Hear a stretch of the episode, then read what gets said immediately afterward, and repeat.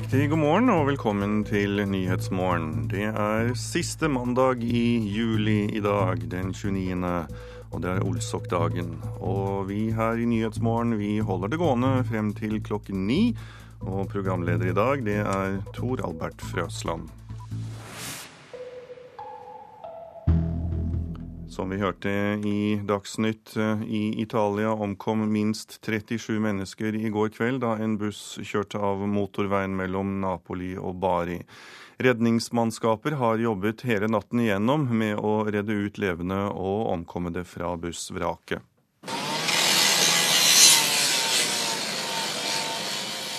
Foruten lyden og lyset fra ei sirkelsag som trenger seg gjennom bussveggen, er det mørkt og stille på staden, der minst 37 mennesker mista livet i går kveld. De var på vei hjem fra ei pilegrimsreise i Napoli da bussen de kjørte i, havna i grøfta. 30 meter nedenfor motorveien mellom Napoli og Bari. Øyevitnet forteller at det så ut til at sjåføren fikk problemer med bremsene før ulykka, og bussen kolliderte med flere biler før den havna i grøfta. Redningsmannskap har jobba natta gjennom, men med livet som innsats, for over ulykkesstedet henger det ei betongblokk som kan falle ned hver tid som helst. Blant de 37 omkomne skal flere være barn. Elleve personer skal ha overlevd ulykka og ligger på sykehus. To av dem er alvorlig skadde. Det sa reporter Vegard Kjørholm. Nå skal vi høre at eh, halvparten av alle mødre med psykiske barn selv blir syke. Det viser forskning. Hvert femte barn i Norge har psykiske problemer, og det bekymrer mødrene så mye at de selv blir syke. Men fedrene lar seg ikke bekymre. Det begynte vel mest først med spisingen. Og jeg prøvde litt ut selvskading, da. Det var vel da det startet. Ja. I sommeren i fjor var jo Johanne ja, stort sett sengeleggende hele sommerferien. Eh, så det har jo vært som å leve med en, en 90-åring i huset. Det er et par år siden mamma og pappa fikk vite at Johanne hadde problemer. Jeg tror Til å begynne med så slet jeg veldig med som mor en sånn voldsom skyldfølelse. Eh, og jeg var kjemperedd. Eh, jeg følte meg helt maktesløs. Og dette her at vi ikke hadde oppdaget ting mye tidligere enn det vi gjorde, da. Det syns jeg var veldig frustrerende til å begynne med. Altså, når en møter foreldrene til barn som har det vanskelig, så er det ofte sånn at foreldrene oftere enn de har grunn til det, får skyldfølelse eller tror at det er deres feil. Sier forsker og psykolog Tormod Rimehaug. Han har kartlagt hvor bekymra foreldrene blir når barna sliter psykisk. Halvparten av mødrene blir så bekymra at de selv får symptomer på angst og depresjon. Men det får ikke fedrene. Det kjenner pappaen til Janne seg igjen i. Jeg tror nok at Mette tok det mer innover seg enn jeg gjorde på mange måter. fordi eh, jeg så mer at dette er jo en problemstilling som mange mange unger sliter med. Mange flere enn det man tror. Hvert femte norske barn får psykiske problemer i løpet av barndommen. Torbjørn Rimehaug hjelper noen få av de her, og han møter ofte mødre som bekymrer seg syk. Mødrene blir kanskje mer uh, følelsesmessig påvirka av og, involvert i uh, ungenes vanskeligheter. Fedrene tenderer litt mer til kan jeg si, være litt mer pragmatiske. Fedrene har jo deltatt i Eh, undersøkelsene i utredningen av ungene og behandlingstilbudet og vært engasjert og delaktig sånn sett. Så en kan jo lure på om, om det har mer med, om det har med kjønnsrolle å gjøre, om det har med forskjell på farsrollen og morsrollen, kanskje? Én ting er i alle fall sikkert, forteller Rimehaug. Det er hjelp som hjelp. Forskninga hans viser at mødre får det bedre når barna får hjelp. Det siste året har Janne gått til behandling, og i sommer kan hun være tenåring igjen. Vi er i hvert fall på hytta. Um, og jeg er veldig glad i å fiske og sette garn og sånne ting, så det holder vi mye på med. Og så har jeg en liten hund som vi holder mye på med. Og så er vi mye med familie og sånn. Det høres ut til å bli en god sommer for henne. Reporter det var Marit Gjelland. Og jeg sier velkommen til Øystein eh, Sørby. Du er overlege ved familie- og nettverksenheten ved Oslo universitetssykehus. Og der treffer du en rekke foreldrepar som har barn med ulike psykiske vansker. Du må nesten fortelle oss svaret. Hvorfor bekymrer mødre seg syke, men ikke fedre?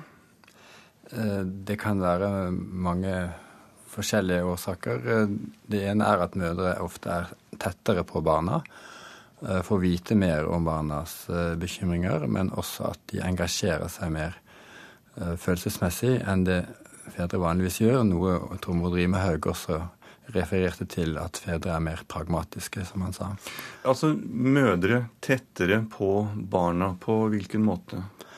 Eh, de snakker ofte mer med barna, eller barna henvender seg mer med sine problemer. Spesielt gjelder jo dette jenter, slik det var i denne saken.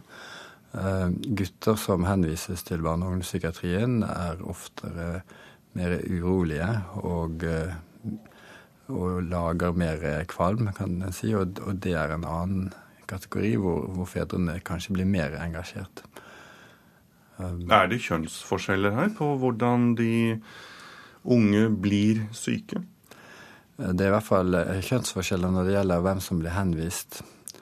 Eh, slik at angst og depresjon er det, er det et flertall av barn, jenter som har. Men dette med at uh mødre bekymrer seg. Bekymrer de seg for mye?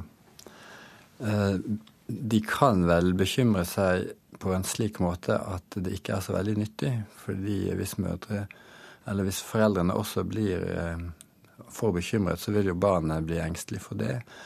Og, eh, så det kan jo bli en negativ sirkel.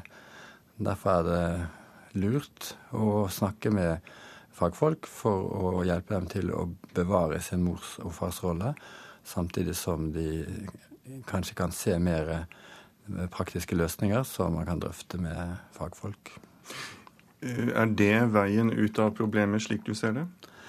Eh, delvis er det det. Delvis er det konkrete eh, måter å forholde seg til barnet på, som oppmuntring f.eks., støtte på det barnet lykkes med. Men også at eh, de kan eh, gå inn i sitt eget eh, lønnkammer og se på hvordan de selv ble oppdratt, se hvordan de ønsker å være i forhold til egne barn, ut fra hvilken erfaring de selv har gjort. Og Det kan være en god prosess for mange. Takk skal du ha, Øystein Sørby, overlege ved Oslo universitetssykehus. Nå skal det handle om rentekutt. For rentekuttet i september det er så godt som avlyst. For mye har endret seg siden Norges Bank antydet at det vil bli rentekutt på neste møte. Hvis ting skulle gå akkurat som vi spår, så vil sannsynligheten for et rentekutt i september være like stor som at vi holder renten uendret. Denne spådommen fra sentralbanksjef Øystein Olsen like før fellesferien ga mange håp om et rentekutt i september. Men nå er verden en annen, påpeker seniorøkonom Katrine Boje i Nordea Markets. Med krona på det nivået vi har nå, eh, så, så er det uaktuelt med et rentekutt. Sjeføkonom Shakeb Syed i Sparebank1 Markets mener også vi kan avlyse rentekuttet på sensommeren. Jeg synes det, altså I mine øyne så mener jeg at det er større sannsynlighet for at eh, renten ikke vil bli kuttet, og at den heller vil bli holdt uendret. Selv for de som fortsatt venter en lavere rente, er troen i ferd med å bli mindre. Her er makroøkonom Ole André Kjennerud i DNB Markets. Vi mener fortsatt at det er en, en, betydelig sannsynlighet for et rentekutt, men det er flere forhold som taler for at det er blitt mindre sannsynlighet enn det det var i juni. Dels så dreier dette seg om at krona har svekka seg markert siden Norges Bank la fram eh, sine anslag. Og så har arbeidsmarkedet eh, vært litt mer positivt enn det vi la til grunn i juni. Og nettopp faren for en ytterligere svekket norsk valuta er kronargumentet for at renta ikke bør senkes nå. Det er litt høna og egget, dette her. Så hva som følger hva, eh, er vanskelig å si. Men, men Forventninger til rentene er veldig viktig for utviklingen i kronekursen. Eh, særlig med tanke på at renter rundt oss i eurosonen er veldig lave, i de andre handelspartnerne er veldig lave. Så, så, vil, så, vil, det ha mye å si for eh, kronebevegelsen også. Reporter var Sindre Heyerdahl. Og velkommen direktør i Forbrukerrådet, Randi Flesland. Norges Bank setter altså neppe ned renten i september. Betyr dette at det ikke er noe håp for norske lånekunder som vil ha lavere rente? Det kan jo synes slik, men nå har jo faktisk norske banker holdt lånerenten på et litt høyere nivå enn hva Norges Banks rentenivå skulle tilsi. Eh, Bl.a. ut fra en begrunnelse om at de trenger å tjene mer penger fordi de har fått så høye kapitalkrav. Nå har jo faktisk de fleste bankene i Norge allerede dekket det kapitalkravet som gjelder i 2014, 1.7.2014. Så nå er jo det dekket, så da får vi jo vente og se hva de velger å gjøre. Men det ble sagt i innslaget her at svekket norsk valuta er argumentet for da ikke å, å sette ned renten. Eh, må ikke også vi forbrukere ta dette inn over oss og forsøke å se økonomien i en slags helhet, ikke bare vår egen privatøkonomi? Jo, det er klart det. Og det er jo viktig at faktisk bankene tjener penger. Vi en, men vi skal ha en fair prising. Og man kan jo stille litt spørsmål om hvordan konkurransen i bankmarkedet egentlig er. Det kan se ut som eh, DNB leder an, og de andre følger etter. Og vi ser også at eh, kundene, vi som bankkunder, vi utfordrer ikke bankene nok. Det er bare ca. 5% som bytter bank, mens det er en 13-14% som bytter forsikringsselskap i året. Ja, altså, du, Det jeg senser nå, er at du er litt inne på, på begrepet konkurranse i bankmarkedet. Hvordan ja. ser dere på dette? Ja, Vi stiller jo i Forbrukerrådet litt spørsmål om vi faktisk har en effektiv konkurranse i bankmarkedet, siden det er så liten bevegelse. Så vi ikke får den der naturlige markedet at det er etterspørsel og tilbud som faktisk setter prisen. Så vi kunne gjerne tenke oss at det ble gjort en gjennomgang nettopp av konkurransesituasjonen i bankmarkedet. Vil jeg si at dere mener at vi har for store banker i Norge, eller for få banker? Nei, Egentlig ingen av delene, men vi ser at eh, det er ikke en naturlig prising på tilbud og etterspørsel. Vi ser at eh, det kan, det kan synes som om prisen ligger høyere enn hva den egentlig behøver å være. Eh, og Da kan det være interessant å se på denne konkurransesituasjonen. For som jeg sier, så er jo en del av vår mulighet som bankkunder er jo faktisk å presse bankene gjennom å bytte bank, og det gjør vi ikke. Nei, Du nevner dette her med at vi er dårligere på å bytte banken og bytte forsikringsselskap. Hva, mm. hva, hvorfor er vi så dårlige på å bytte bank? Ja, Det kan nok være flere årsaker. Det ene er jo at man syns det, man blir bundet til sitt kontonummer. Man kan ikke ta med seg kontonummeret sånn som du kan gjøre med å bytte bank, sånn som du kan gjøre med mobiltelefonen din hvis du bytter leverandør der. Så Det er jo noe Forbrukerrådet har ønsket lenge at vi skal kunne ta med det. En annen ting er jo at man er engstelig for at noe skjer i overgangen. At det er mye tungvint som kan skje. Nå vet vi faktisk at eh, det ligger noe på trappene i EU om at eh, det skal være mulighet til å få med seg eh, bankkontonummeret sitt. Men det er ikke satt noen dato for det, så det vil jo tiden litt vise. Og i mellomtiden så går det jo an å finne andre løsninger som gjør det mer smidig for oss bankkunder å bytte bank, sånn at vi kan presse konkurransen. Randi Flesland, direktør i Forbrukerrådet, takk skal du ha. Det er Nyhetsmorgen i NRK P2 og Alltid nyheter. Du har radioen din på. Klokken er 7.16, og dette er eh, hovedsakene våre i dag.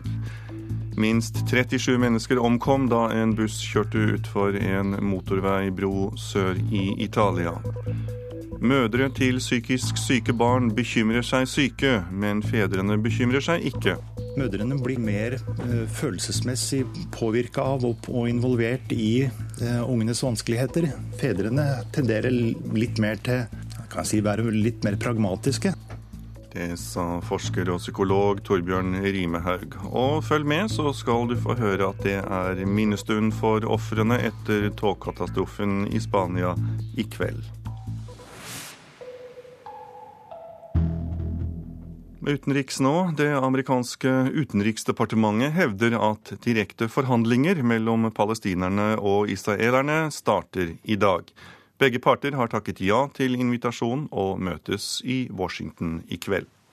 Utenriksminister John Kerry er personlig involvert i forsøkene på å blåse liv i fredsforhandlingene. Han ringte selv palestinernes president og Israels statsminister i går kveld og ba dem sende forhandlingsteam hit til Washington. Begge sider kommer med representanter på høyt nivå som skal forsøke å lage en arbeidsplan og fremgangsmåte for forhandlinger de neste månedene. For halvannen uke siden kunngjorde John Kerry at det var framskritt, og at partene skulle møtes til direkte forhandlinger for første gang på tre år. Det ses på som et gjennombrudd, selv om partene i første omgang bare skal snakke sammen om hvordan de skal snakke sammen. De vanskelige og sensitive spørsmålene som har vært utsatt til nå, krever mot fra begge sider, sa Kerry.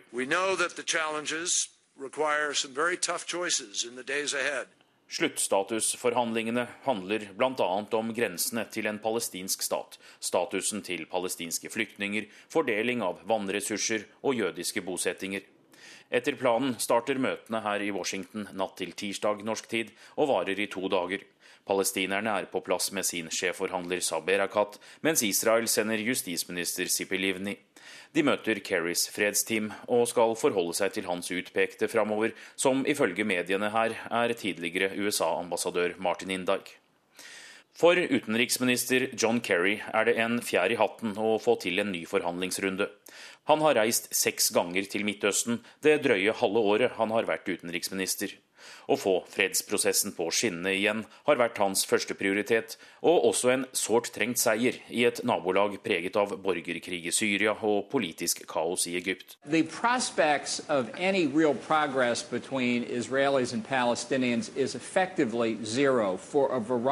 Utsiktene til framskritt mellom israelerne og palestinerne er så godt som null, sier USAs tidligere FN-ambassadør John Bolton til kanalen Fox. Han viser til politiske og strategiske interesser på begge sider, som snart vil gjøre seg gjeldende. John Kerry har klart å samle partene, men flere stiller spørsmål ved om han klarer å holde dem i rommet og komme ut med en avtale til slutt. Anders Tvegård, Washington. Og fra USA skal vi til Spania, for i kveld skal det holdes minnegudstjeneste over de 79 som døde og alle de skadede i togulykken ved Santiago de Compostela. Det er ventet at både kongeparet og den spanske statsministeren vil delta. Santiago de Compostela er et kjent pilegrimsmål, og de mange pilegrimene har uventet havnet oppi tragedien.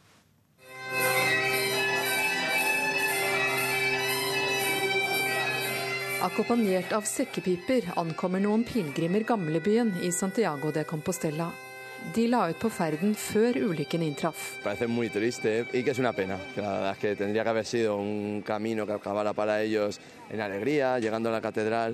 Det er veldig trist. Jeg trodde det skulle være en gledens tur til katedralen, men å komme hit, det er fryktelig trist, sier en mann.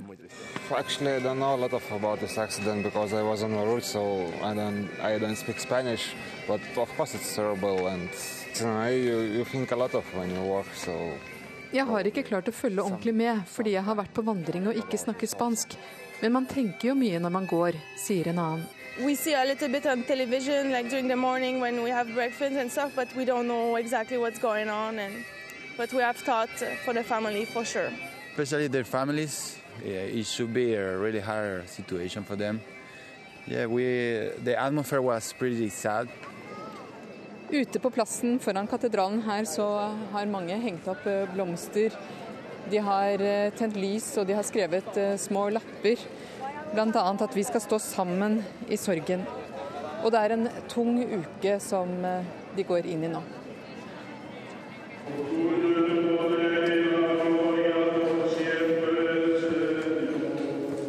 Inne i katedralen forberedes det til minnestund. I kveld skal den fylles av familie og venner av de 79 ofrene etter ulykken.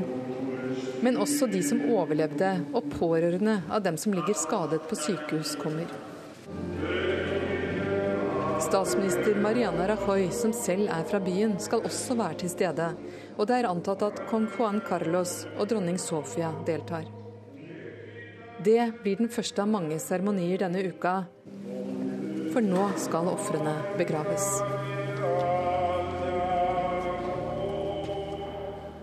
Og reporter i Santiago de Compostela, det er korrespondent Åse Marit Befring. Nå til Telemark. De kommunale legekontorene i Vinje vil ikke lenger ta blodprøver for private helseinstitusjoner.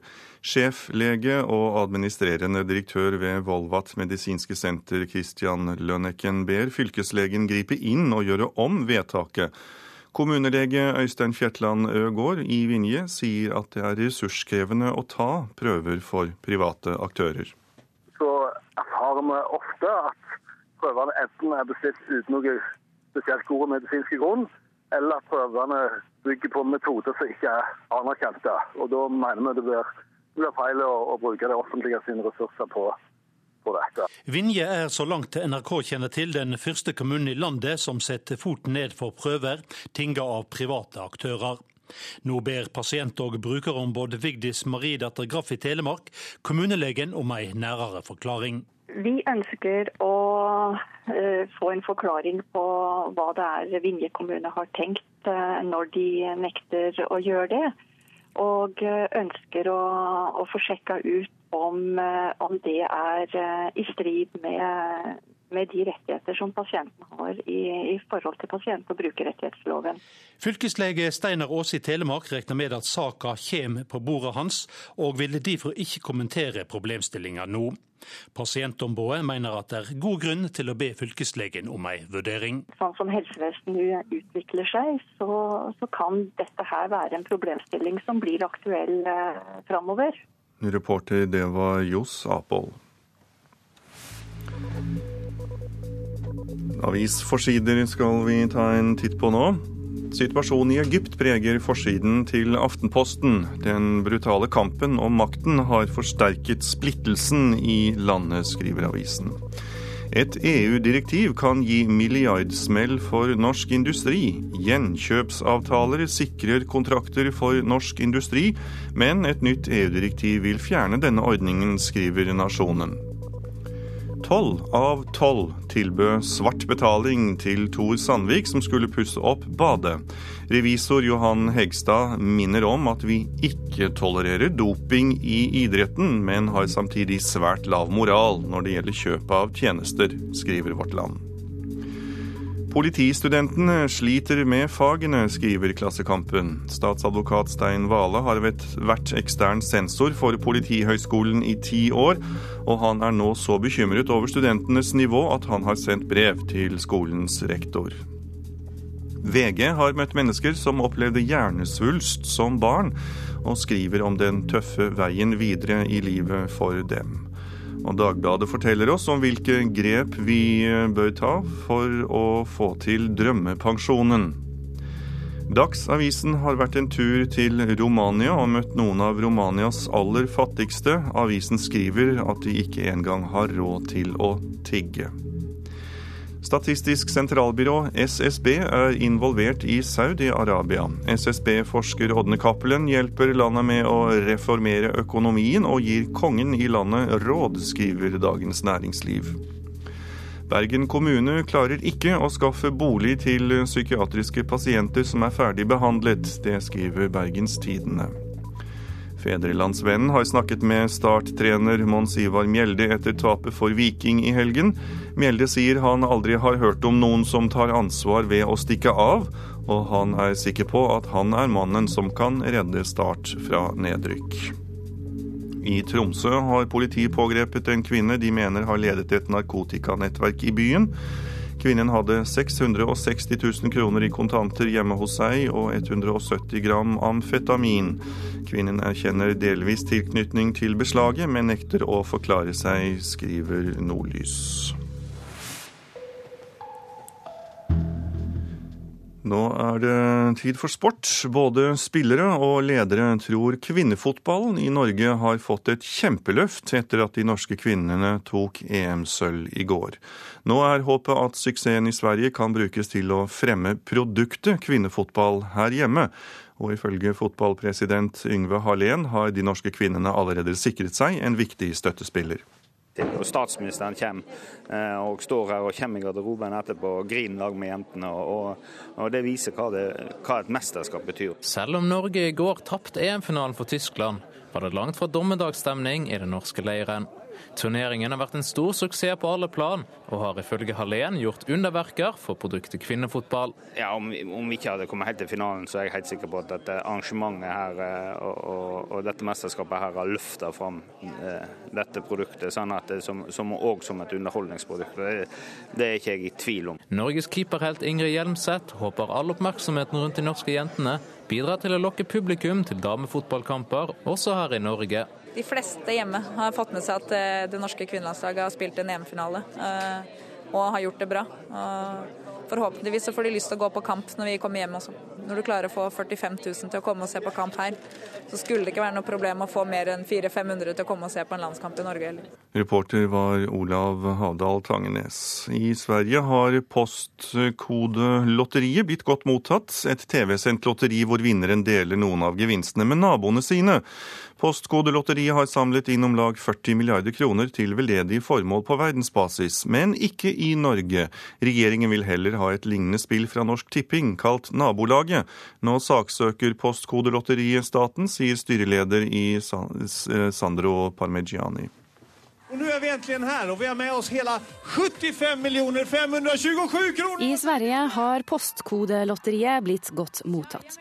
Et TV-sendt lotteri hvor vinneren deler noe av gevinsten med naboene sine. Postkodelotteriet har samlet inn om lag 40 milliarder kroner til veldedige formål på verdensbasis. Men ikke i Norge.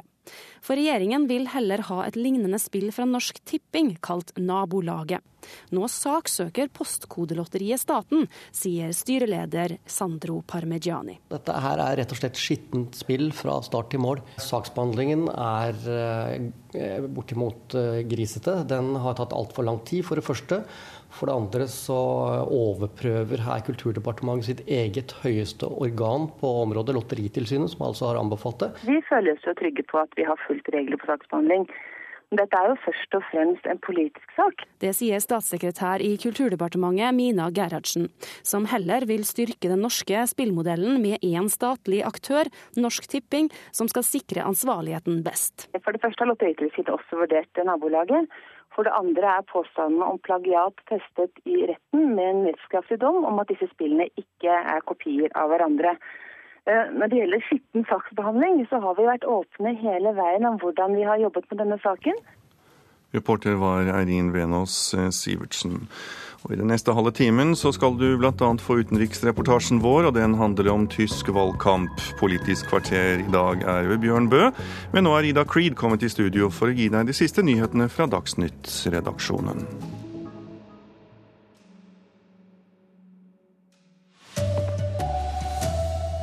Buss stupte 30 meter ned fra motorvei i Italia. Minst 37 har omkommet.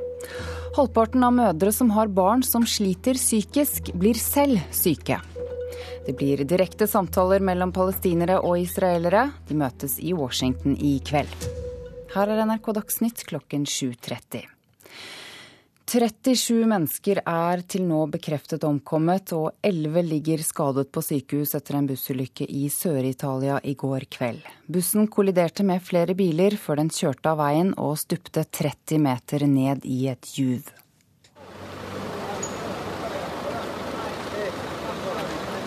I veibanen ved ei bru mellom Napoli og Bari ligger flere titalls menneskekropper med et hvitt laken over seg. 30 meter nedenfor veibanen, under ei bru, ligger bussen som de var passasjerer i.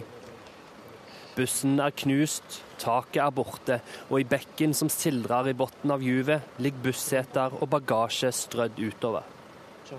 Øyevitnet forteller at det kunne se ut til at bussen fikk problemer med bremsene, og den kolliderte med flere andre kjøretøy som sto stille pga. tett trafikk, før den havna i grøfta.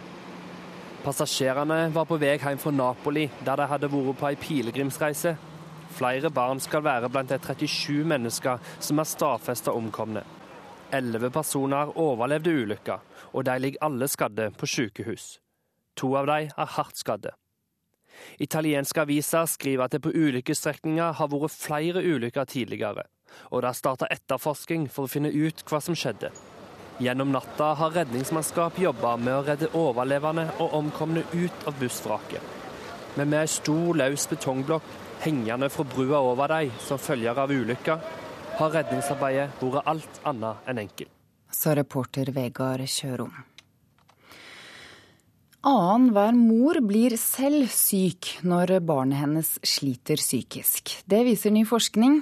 Hvert femte norske barn har psykiske problemer i løpet av barndommen, og mens fedrene blir lite påvirket, bekymrer mødrene seg til angst og depresjon.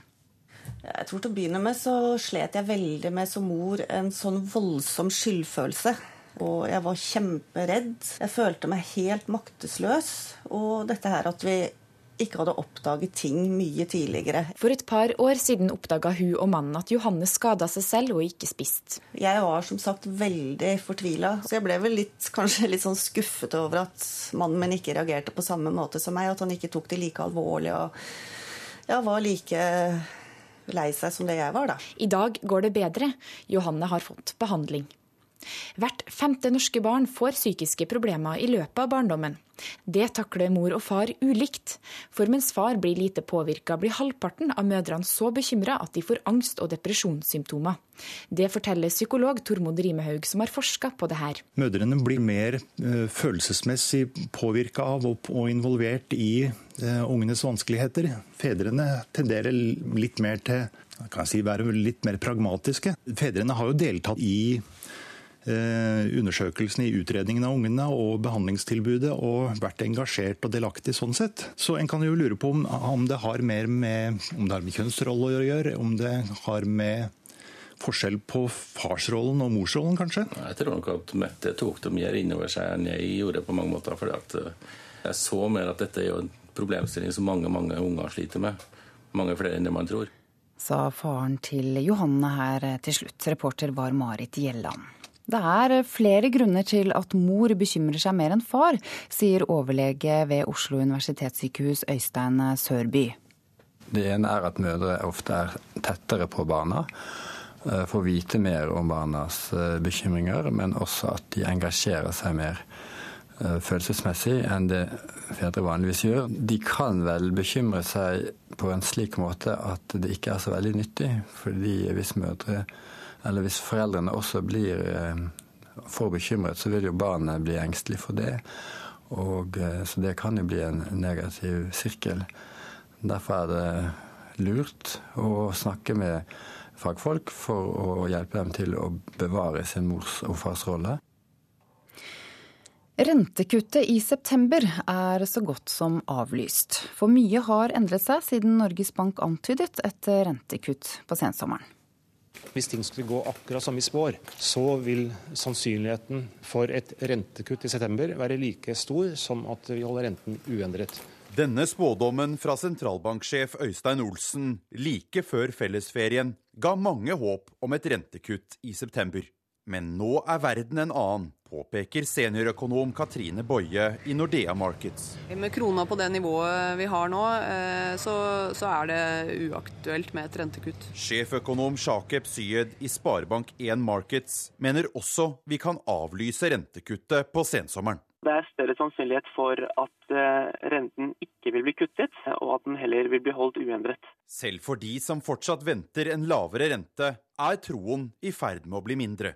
Her er makroøkonom Ole André Kjennerud i DNB Markets. Vi mener fortsatt at det er en, en, betydelig sannsynlighet for et rentekutt, men det er flere forhold som taler for at det er blitt mindre sannsynlighet enn det det var i juni. Dels så dreier dette seg om at krona har svekka seg markert siden Norges Bank la fram eh, sine anslag. Og så har arbeidsmarkedet eh, vært litt mer positivt enn det vi la til grunn i juni. Reporter Sindre Heierdal.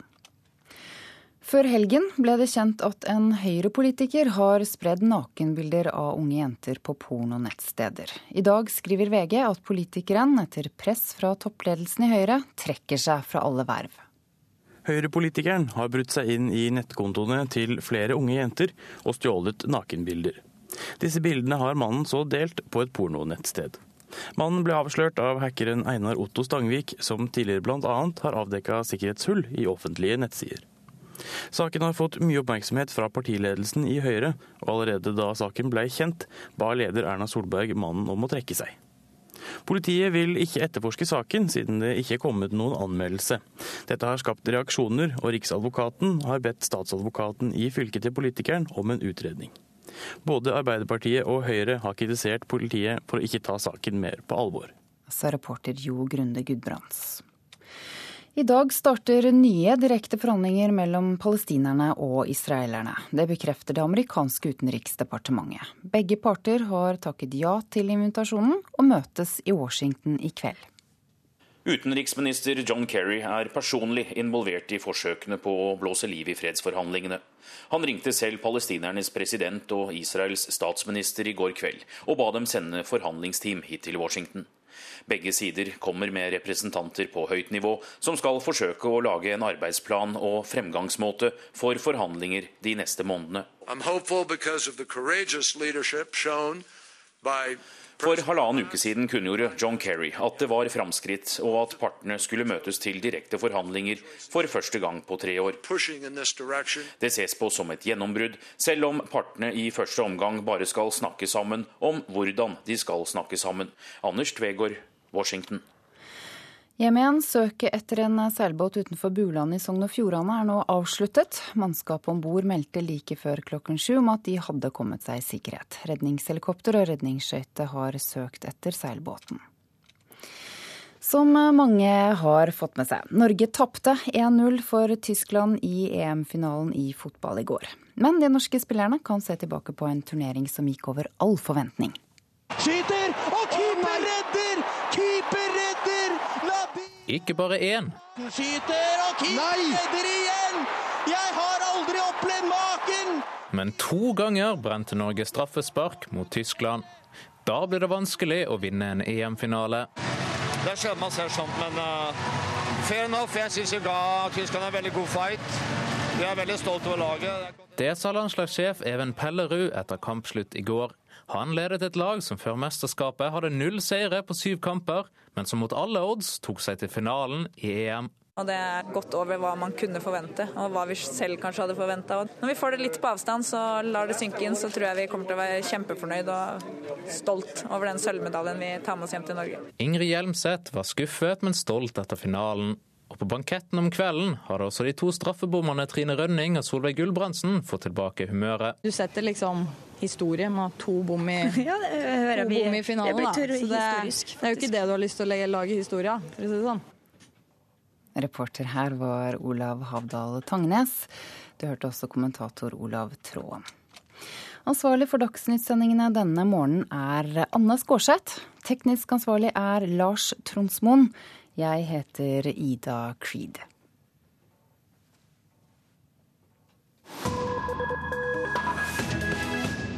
Og her i Nyhetsmorgen skal vi til Tyskland, for der har USAs omfattende overvåking av data og tele telefontrafikk i, i utlandet blitt den viktigste saken i valgkampen. 70% av velgerne er misfornøyde med myndighetenes håndtering av etterretningssamarbeidet med USA. For mange tyskere skal ha blitt overvåket. Kandidat nummer én, Barack Hussein Obama aus Honolulu. Et humorprogram i tysk TV kårer vinneren av den store overvåkningsprisen. Og USAs president Barack Obama er en sterk kandidat med millioner av registrerte telefonsamtaler, e-postmeldinger og SMS-er i Tyskland hver måned, ifølge programlederen. Det går an å le av overvåkningssaken som de siste ukene har dominert nyhetsbildet her i Tyskland. Men de fleste tyskere er først og fremst skuffet og sinte over at en gammel venn og alliert som USA driver en slik virksomhet. Og for Hans Christian Strøbele, medlem av komiteen for de hemmelige tjenestene i den tyske forbundsdagen, er kravet klart. Aufgabe der Bundesregierung ist es, definitiv von der NSA zu. Regjeringens oppgave er å få et klart svar fra den amerikanske etterretningsorganisasjonen NSA på følgende spørsmål. Hva driver dere med her i Tyskland? Hvor mange medarbeidere har dere? Og er det riktig at dere overvåker tyske borgere uten rettslig grunnlag? Etter det varsleren Edward Snowden har dokumentert, har det skjedd klare brudd på tysk lov når det gjelder personvern, og det er selvsagt fullstendig uakseptabelt, sier den folkevalgte. NSA, das steht für National Security Agency, der größte Den amerikanske overvåkningen har rystet Tyskland de siste ukene. Ifølge ukemagasinet Der Spiegel og andre tyske medier blir 500 millioner telefon- og internettforbindelser avlyttet her i landet hver måned. Tyskland skal være det landet i Europa som blir hyppigst overvåket av amerikansk etterretning, fordi noen av de viktigste knutepunktene for internasjonal internettrafikk ligger her i landet. Dette har dramatiske følger, sier professor Otto Jeckel i den tyske advokatforening. Ich glaube, es gibt momentan niemanden in Deutschland, der sich, wenn er eine E-Mail versendet, nicht überlegt. Jeg tror ikke det er noen her i Tyskland som ikke nå tenker seg om før de sender en e-mail. Hvem andre enn mottakeren kan komme til å lese den? Hvilke konsekvenser kan det få?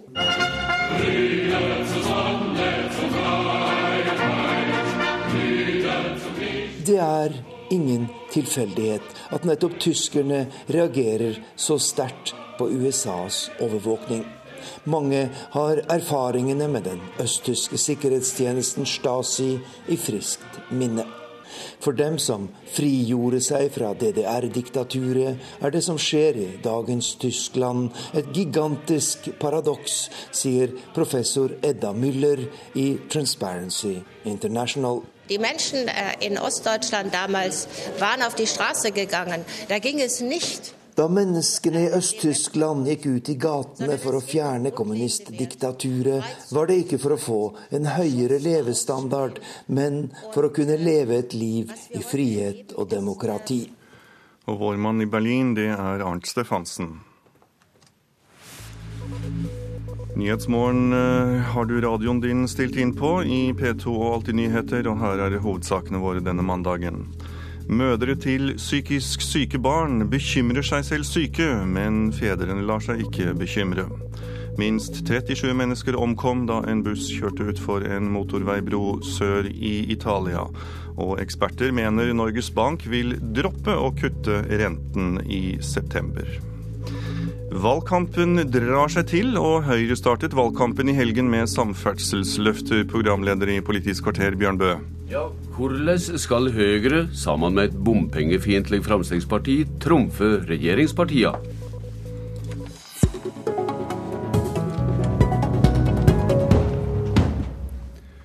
Høyre-leder Erna Solberg, du er her for å snakke om samferdsel, men jeg må spørre om saka der en Høyre-politiker har trukket seg fra alle verv etter å ha stålet og spredd nakenbilder på nettet. I hva grad mener du at Høyre er ferdig med den saka? Altså, Vi håper jo at vi er ferdig. Vi har på en måte jobbet hardt med å finne en løsning. Men det er klart, vi er ikke ferdig med denne saken før vi er sikre på at uh, ofrene også opplever at de er godt ivaretatt. og Derfor har vi også sagt at vi står tilgjengelig hvis de ønsker bistand, hjelp og ta kontakt med oss. Ja, du har hele helga synt omsyn for det du kaller offer her nå. I hva grad er partiet skadelidende? Jeg har sagt at det er faktisk ikke det viktigste. Dette er, Jeg tror at enhver som har barn og unge, unge døtre, vet at dette er veldig krenkende, det som har skjedd. Og at vi derfor har fokus på noe annet. Jeg tror at alle folk forstår at parti kan ha tillitsvalgte og andre som gjør ting som er ulovlig. Det er faktisk sånn at norske partier er et gjennomsnitt av befolkningen. Politisk aktive, men vi har også personer som da gjør feil. Så samferdsel, Erna Solberg. I helga har Høyre åpna valgkampen med lovnad om 50% statsstønad til bybaner og andre kollektivløsninger i store byer. Regjeringa har sett av om lag tilsvarende med penger i Nasjonal transportplan. Og hvordan er dine lovnader, Solberg, bedre enn regjeringas? For det første så uh, har jo vi da lovet uh, 50 innenfor dette som heter bussvei, bybaneløsninger til kollektiv, i tillegg til å øke belønningsordningen med en milliard kroner i løpet av neste tiårsplanen for, for uh, Nasjonal transportplan. vi har sagt også at metoden vår er annerledes enn det regjeringen har signalisert.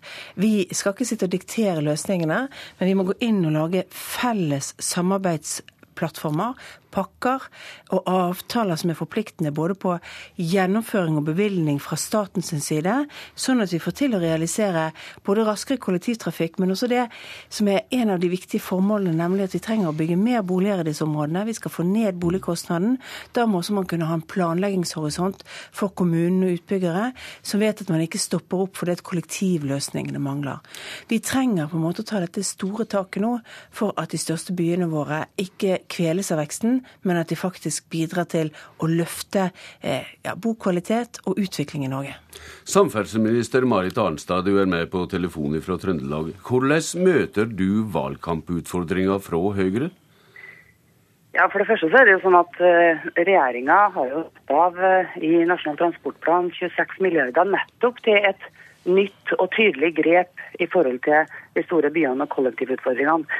Og Det gir rom nettopp for det som Erna Solberg sier, nemlig forpliktende avtaler, en langsiktig horisont der du også ser arealutnyttelse og samferdsel i sammenheng, og også der du da forplikter deg på, på har forpliktende mål.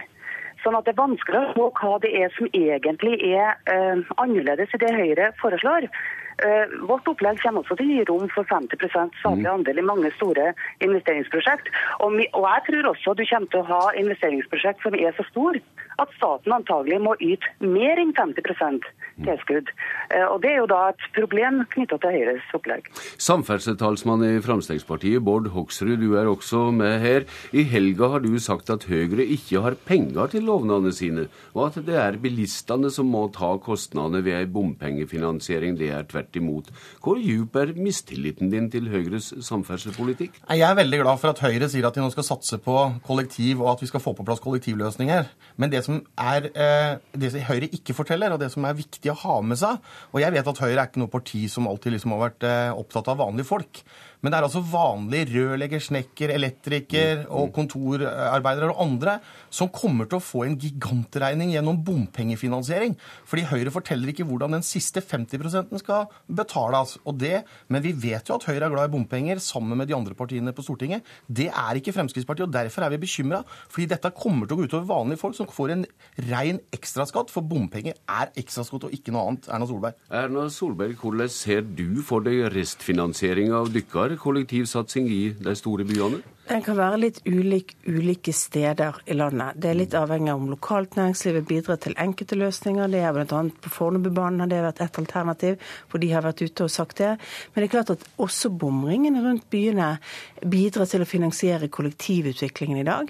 Men det vil altså bli en betydelig høyere statlig andel, en bedre balanse mellom dette. Mm. Og nå er det viktig å si at Vi har altså et veksttakt på de store byene i Norge som innebærer altså at det er, kommer bare til å bli kø på kø på kø. Det kommer til det blitt sammentrykte og tønneståing i kollektivløsningene eh, vi har i dag. Og mange byer, f.eks. Stavanger, som jeg begynte i, har en altfor lav andel allerede i dag som reiser, reiser, kollektivt. Og da er vi altså nødt til å si at dette er et felles løft eh, som vi skal ta. Uh, og ja, vi skal bruke mange mer penger i årene som kommer på samferdsel. En av de viktige ting, grunnene til at vi innførte en handlingsregel, var at vi skulle bruke mer penger i norsk økonomi. Mm. Når vi bruker mer penger, så skal vi bl.a. bruke dette til å løfte infrastrukturen. Men det er ikke sånn at vi klarer å ta alt over friske penger. Vi må også se til at vi får en egenandel, eller andre måter å være med på å finansiere dette. Ja, Marit Arnstad, i hva grad ser du for deg kollektivutbygging i storbyer uten hjelp av mer bompenger? Nei, Jeg tror at det er nødvendig med også et eh, bidrag fra bompenger. Eh, og jeg tror det er nødvendig å ha en bred innfallsvinkel og en helhet. Derfor er det litt rart å høre uh, Høyre-lederen, egentlig. fordi hun, hun, snakker egentlig om det som er fellesgodset fra klimaforliket, og det som nettopp er vedtatt i Nasjonal transportplan. Det som er problemet for et alternativ med Høyre og Frp, det er jo at de en og en halv måned før valget er grunnleggende uenige om finansieringa av store samferdselstiltak. Enten det gjelder kollektivtiltak i byene, eller det gjelder ferjefri E39. Ja, eh, det gjør jo at troverdigheten ved deres alternativ også blir sterkt svekka. Ja, Bård Hoksrud, Fremskrittspartiet vil i regjering, og i går lova Høyre-lederen og Kristelig Folkeparti-lederen framskunding av byggestart for ferjefri E39 i Hordaland, som samferdselsministeren var inne på her. Kan du, Hoksrud, bli sammen med de andre om dette med bompengefinansiering? Jeg er overbevist om at vi kommer til å bli kjempeenige om at vi skal bygge raskere veier i Norge, for det har gått på eh, sneglefart så langt. Mm. Så det er vi veldig enige om. Men det er klart, bompenger er vi dypt uenig i. Vi er helt grunnleggende uenige med Høyre. og Derfor er det viktig for velgerne å sørge for at det er et sterkt Fremskrittsparti. For et sterkt Fremskrittsparti i regjering vil sørge for at det blir vei uten massiv flåing og ekstraskatt gjennom bompenger. Erna Solberg, det er vel vanskelig å komme utenom Fremskrittspartiet når det gjelder praktiske løsninger? Ja. Nei, det, Vi har tenkt å samarbeide med Fremskrittspartiet, men når det gjelder E39 og de store fergeprosjektene på E39, så er det altså sånn at der betaler du ganske store summer i, i penger når du reiser over. Og det er for meg helt unaturlig. Altså, jeg, jeg bor der. Jeg vet faktisk at folk heller vil bruke de pengene i 20 år til å betale for å få bygget en bro eller bygget en tunnel, enn i evigheten å fortsette å betale ferjebilletten sin. Og da tror jo vi at da får vi heller ha bompenger på det nivået hvor folk allerede betaler. Og så må vi sørge for at i fremtiden så bygger vi sammen en av de store vekstregionene i Norge, sånn at arbeidsmarkedene fungerer bedre.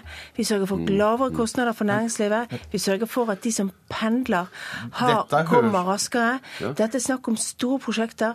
Og jeg mener at dette kommer ikke til å stoppe på at ikke folk kan betale det samme som de betaler dette på ferge. Dette er praktisk eh, logikk, det, Hoksrud? Jo, det høres jo tilforlatelig veldig greit ut. Men Rogfast, som er et av de viktige prosjektene, mm. så koster det nå ca. 200 kroner med billetten. Med den nye finansieringa, hvis man skal bygge ut Rogfast, så koster det nesten 400 kroner per passering. Det vil ikke folk akseptere, det er jeg overbevist om. Også på Vestlandet er det en grense for hvordan eh, de partiene som driver og er opptatt av bompenger, kan flå vanlige folk. De har ikke råd til dette her. Og hvis den fortsettelsen som dessverre alle de andre partiene er på, ja, så er det det er en rein ekstraskatt som folk ikke har råd til å betale.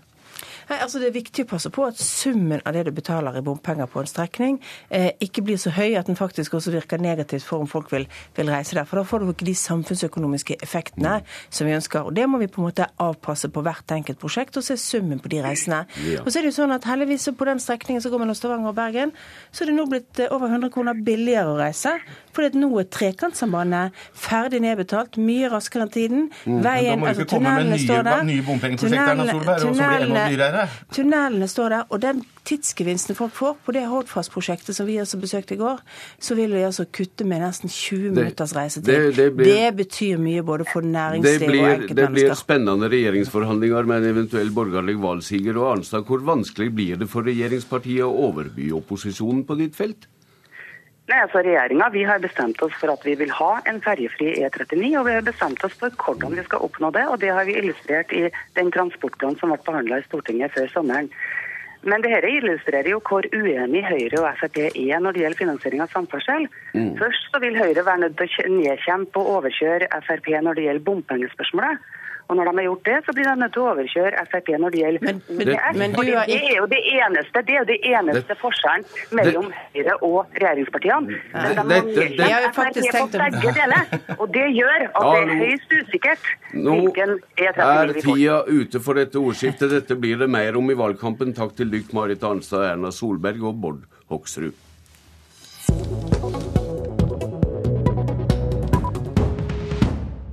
Jette Christensen er et veldig fantastisk menneske, et usedvanlig politisk talent. Hun har ungdom, glede, pågangsmot i seg. Og det har hun eh, kombinert med en veldig sterk forståelse for eh, de, noen av de tyngste og vanskeligste sakene. Sittet i Stortingets mest alvorlige komité, kontroll- og konstitusjonskomiteen, og skjøttet det arbeidet på en veldig god måte. I tillegg så er hun glad i musikk. Få vet mer om countrymusikk enn Jette. Og hun formidler musikalsk glede til alle rundt henne. Store voner for dagens politiske talent fra statsminister og Arbeiderpartileder Jens Stoltenberg. Det er partia sjølve som har plukka ut talent til Sumar-serien vår. Jette Christensen, du er nummer to på partiets valgliste i Hordaland. Her hører du Stoltenberg. Hva tror du mor di ville ha sagt om deg? Jeg håper at mor ville sagt at jeg er grei til hverdags. For det er jo det som er det aller viktigste. Du har alt hatt et par aktive år som vararepresentant på Stortinget. Hva skulle du ønske at ditt parti setter høyere på saklista enn det det gjør? Jeg skulle ønske at alle partier satte eh, høyere på sakslista eh, bekjempe vold i nære relasjoner. Det har vi gjort og lagt fram en handlingsplan eh, mot det. Men det er helt uutholdelig at noen mennesker, når de lukker døra til der de skal være mest trygge, nemlig hjemme, sammen med sine nærmeste, blir utsatt for vold. Eh, og det må vi alle sammen jobbe hardere mot. Så du mener at partiprogrammet ditt kunne ha vært bedre? Jeg mener at det er noe som vi alle sammen må eh, ha bedre bevissthet rundt. Mm. Har du vært med på vedtak du kjenner pinlige i ditt parti? Nei, det kan jeg ikke si at jeg føler. Hva er du mest stolt av i ditt politiske virke? Jeg er mest stolt av at vi klarte å fortelle en historie om 22.07. Som, eh, i Stortinget som hele Stortinget kunne stille seg bak. Eh, og eh, jeg er også veldig stolt av at vi ut ifra et initiativ fra Bergen til slutt klarte å endre norsk lov, sånn at det skulle være ulovlig å kjøpe seg tilgang til et annet menneskets kropp når vi innførte sexkjøpsloven. Mm. Dette høres ut som det er de nære tinga som opptar deg mest. Har du store vyer i verdenspolitikken også? Ja, jeg har jo det. Men det den følelsen av frihet den er veldig personlig og den er veldig nær, men det er òg det viktigste vi holder på med i politikken. Og det er min overskrift for det som jeg egentlig som er grunnen til at jeg holder på med det jeg holder på med. For at min frihet er for alle. At alle skal være trygge nok til å starte sin egen bedrift. Ut ifra en god idé, å få seg en plass å bo, en god skolegang, muligheten til å kombinere en familie med en jobb som de trives i, og frihet til å vite at det er der om det er noe som går galt. Eh, for eh, det vil jeg at skal være meg og deg. Oss. Frihet skapes jo aller best i fellesskap. Også næringspolitikk hører jeg. Dersom du kunne ønske deg en statsrådspost, hva skulle det være? Akkurat nå så har jeg all fokuset på å vinne dette valget som kommer nå, eh, og ber om velgernes tillit til å få lov å sitte på Stortinget. Og det er det jeg konsentrerer meg om fra dag til dag nå. Hva er ambisjonen din personlig som politiker? Min ambisjon er å få lov å påvirke mest mulig. Eh, fordi at jeg er allergisk mot urettferdighet, og jeg har lyst til å være eh, der, der, jeg kan jobbe mot det hver eneste dag. Eh, og det er en ambisjon som er mer enn stor nok. Høyrepartiene står sterkt i din landsdel og driver samferdselsoffensiv, som vi nettopp har hørt i Politisk kvarter. Hva spesielt har du å by unge velgere på dine kanter, som opposisjonen ikke byr fram? Vet du hva, Unge velgere de stemmer mest ut ifra ideologi. Eh, de er opptatt av rettferdighet, og de er opptatt av eh, å stemme ut ifra ideologi. Eh, og Derfor så tror jeg at debatten rundt fri, hva frihet er for noe, er noe som eh, opptar eh, ideologiske velgere, og det er flest av de blant ungdom. Hva vil du tippe at Arbeiderpartiet får i oppslutninga på landsplan ved valget i september? Det jeg tenker på, er at den skal være så godt god som mulig. Takk til deg, politisk talent Jette Christensen. Politisk kvarter er slutt. Jeg heter Bjørn Bø.